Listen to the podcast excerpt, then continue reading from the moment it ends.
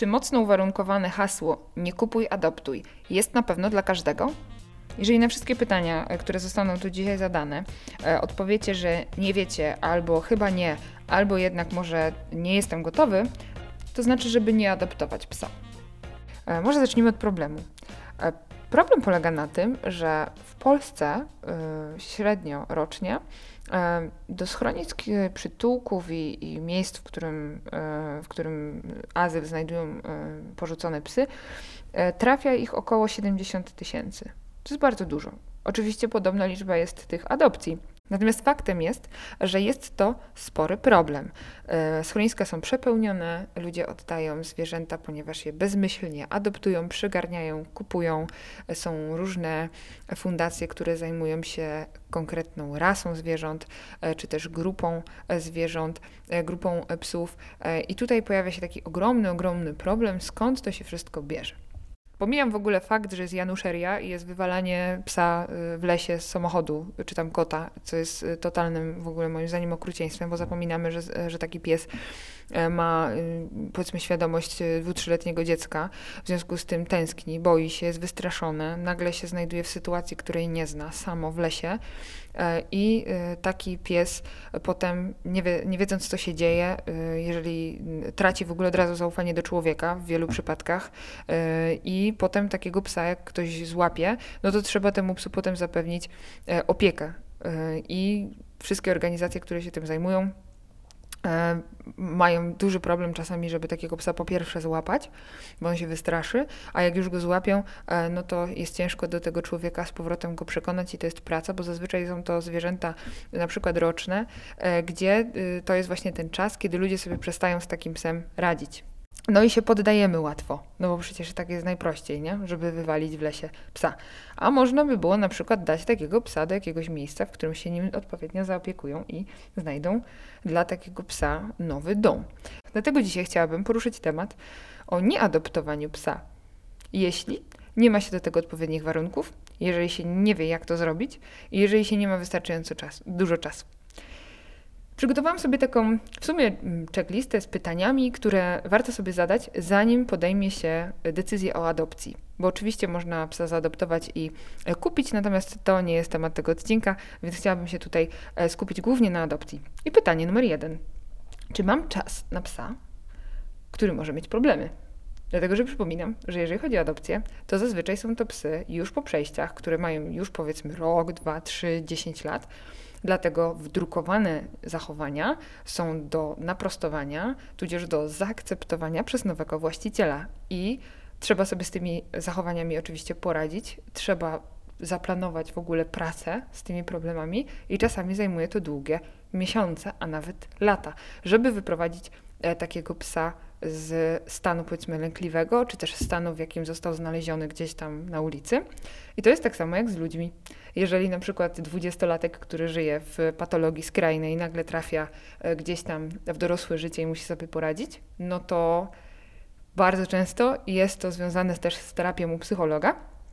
A przypominam, że zwierzęta to są istoty czujące, które nie tylko mają emocje, ale też y, eksplorują świat, y, doświadczają. W związku z tym wszystkie rzeczy, które gdzieś tam przeżyły, oczywiście e, nie są w ich głowie tak jak u nas, że my sobie siedzimy na kiblu i myślimy o tym, że o Jezus, jakie miałem ciężkie dzieciństwo. Psy tak nie mają. Psy raczej w momencie, w którym pojawia się jakiś schemat, który e, skojarzył im się w przeszłości źle, to wtedy dopiero na niego reagują. Ale to się zdarza i zdarzyć się może nawet do końca życia takiego zwierzęcia. Więc o tym trzeba pamiętać. Więc pytanie numer jeden, czy mam czas na psa i siłę, żeby zająć się nim, jeżeli pojawią się problemy? Kolejny temat. E, I tutaj jest takie szorstkie pytanie. Po co mi pies? Bo jeśli chcemy e, takiego burka do kochania, miziania za łóżkiem, e, gdzieś tam bez ambicji do jakiegoś krafta, wystaw, cudów, sportów, i chcemy mieć po prostu burka w domu, który będzie się cieszył na, nas, na nasz widok, to naprawdę schronisko jest świetnym rozwiązaniem. I każdy, każda osoba, która chce mieć u swojego boku psa, bez znaczenia jaki to będzie pies, po prostu mówi, dobra, chcę, uratuje życie temu zwierzaczkowi, proszę bardzo. Dorosły pies czy szczeniak? Oto jest pytanie. I tutaj oczywiście wszystko zależy od preferencji.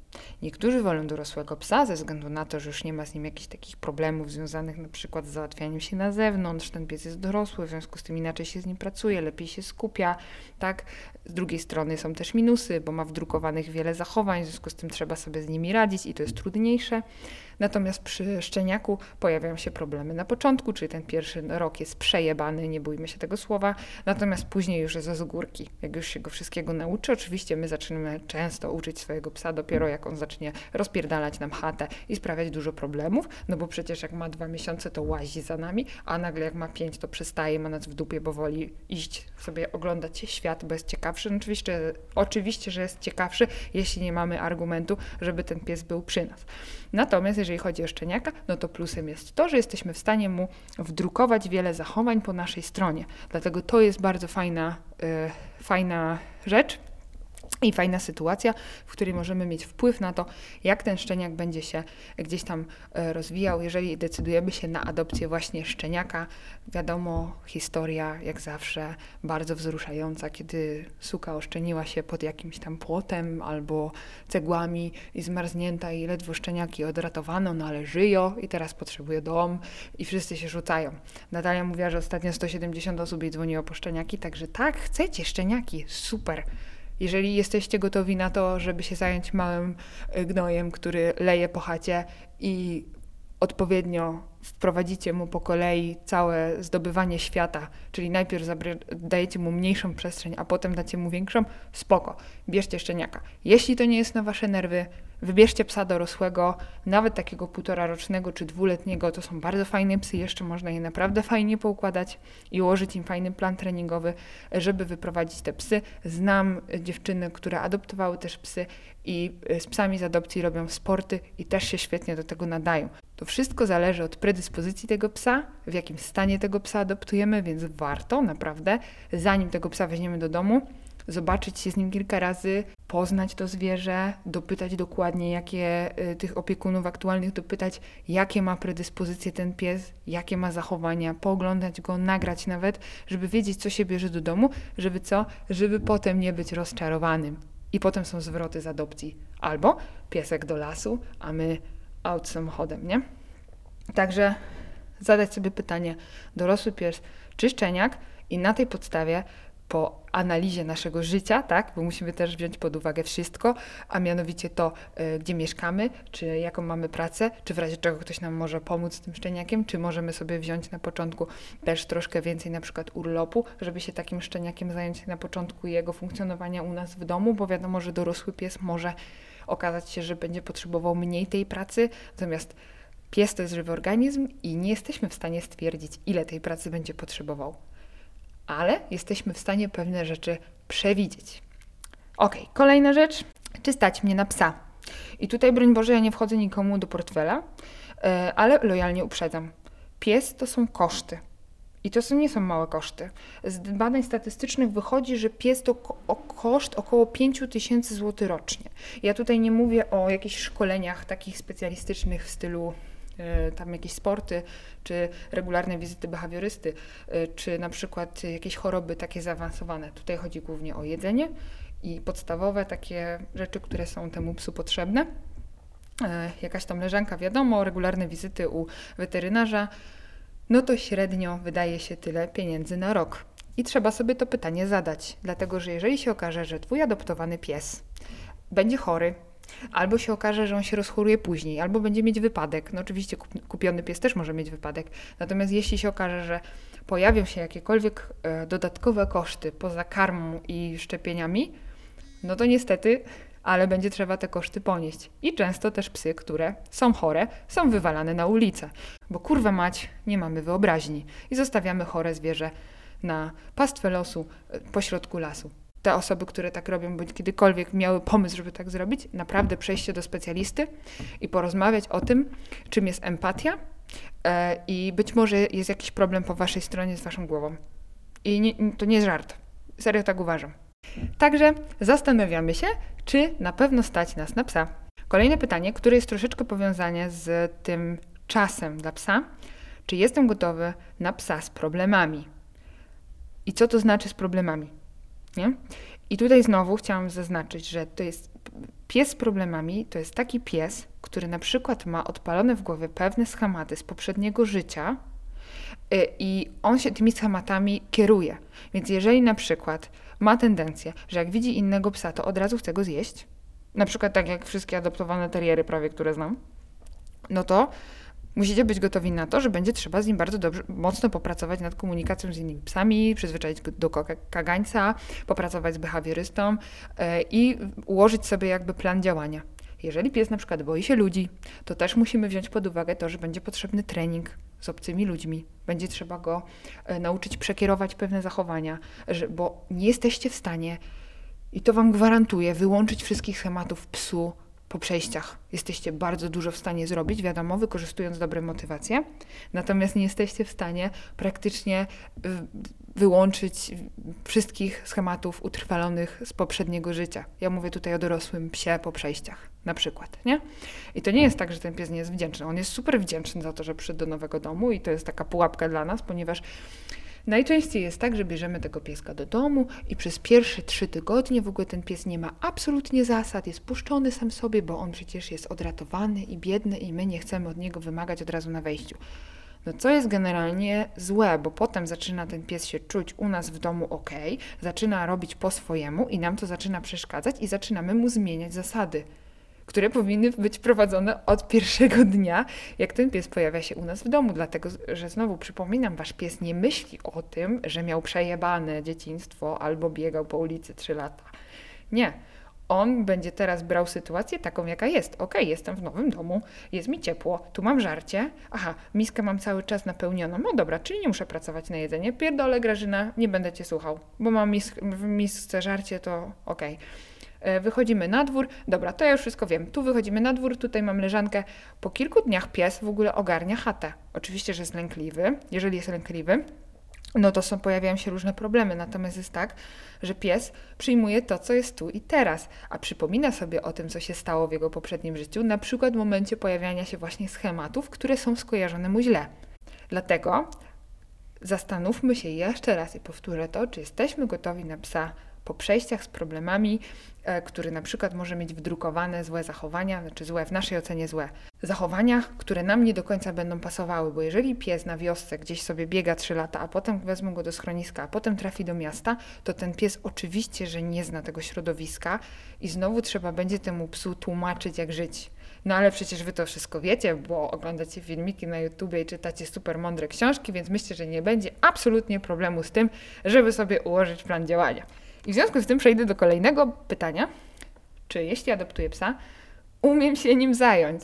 Czyli właśnie, czy na przykład przeczytałem chociaż jedną książkę na temat tego, w jaki sposób funkcjonować ze zwierzęciem. Ja nie mówię o całej liście literatury, jaka jest dostępna, absolutnie nie. Mówię tutaj o tym, czy na pewno y, wiemy, jak funkcjonuje zwierzę. Czy wiemy, że nie wolno przesadzać z antropomorfizmem?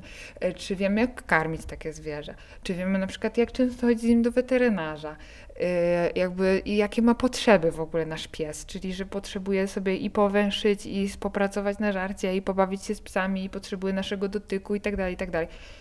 To wszystko jest jakby po naszej stronie, bo my jako właściciele zwierząt potrzebujemy zadbać o cztery takie najważniejsze filary. Jest to żywienie naszego psa, e, opieka weterynaryjna, środowisko, w jakim ten pies żyje i zachowanie, jakie prezentuje, ponieważ to my jesteśmy odpowiedzialni za każde jedno zachowanie, które prezentuje nasze zwierzę. W związku z tym, jeśli tak jest, to musimy się zastanowić, czy jesteśmy w stanie zająć się tym psem odpowiednio. I na te pytania oczywiście znajdziecie odp- y, odpowiedzi y, we wszystkich w takich książkach, które są spoko. Ja polecam każdemu przeczytać książkę Najpierw wytresuj kurczaka, bo każde zachowanie, którego chcecie wymagać od swojego psa, każde jedno, czy to jest siat, czy to jest zostawanie w domu, czy to jest przynoszenie patyka, czy to jest, yy, nie wiem, yy, zostawienie czegoś, czy przejście wam między nogami, to jest trening. I trzeba tego psa nauczyć. Pies musi doświadczyć danej rzeczy. Dlatego musimy się nauczyć tego psa uczyć, bo nie jesteśmy w stanie mu narysować na kartce kaczuszki i powiedzieć: Słuchaj, tego nie wolno zjadać, jak będziemy nad wartą. No nie, no gówno, nie zrozumie tego. Yy, no i tutaj jest kolejna rzecz. Czy właśnie mam jakąkolwiek wiedzę na temat szkolenia? I tu sobie trzeba to pytanie zadać. Jeśli nie mam tej wiedzy, to mam taką klientkę, która do mnie właśnie przyszła przed yy, zaadoptowaniem psa, żeby się wszystkiego dowiedzieć. Co ma kupić, jak ma kupić, jaka karma, yy, w jaki sposób zrobić, jak ten pies przyjdzie do domu i tak dalej, i tak. I to było w ogóle świetne zachowanie z jej strony i to było naprawdę coś, co sprawiło, że się poczułam bardzo fajnie. Po pierwsze, że gdzieś tam zaufanie e, do mnie, natomiast to, w jaki sposób profesjonalnie ktoś podszedł, tak z głową do tematu, naprawdę wzór.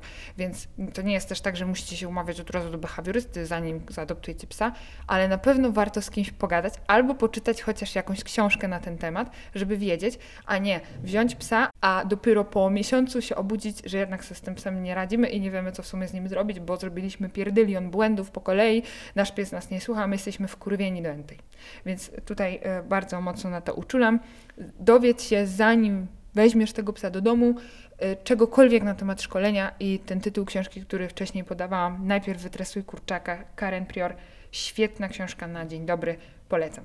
Są jeszcze poboczne takie pytania, na przykład, czy wiem, co zrobię z moim psem, kiedy pojadę na wakacje?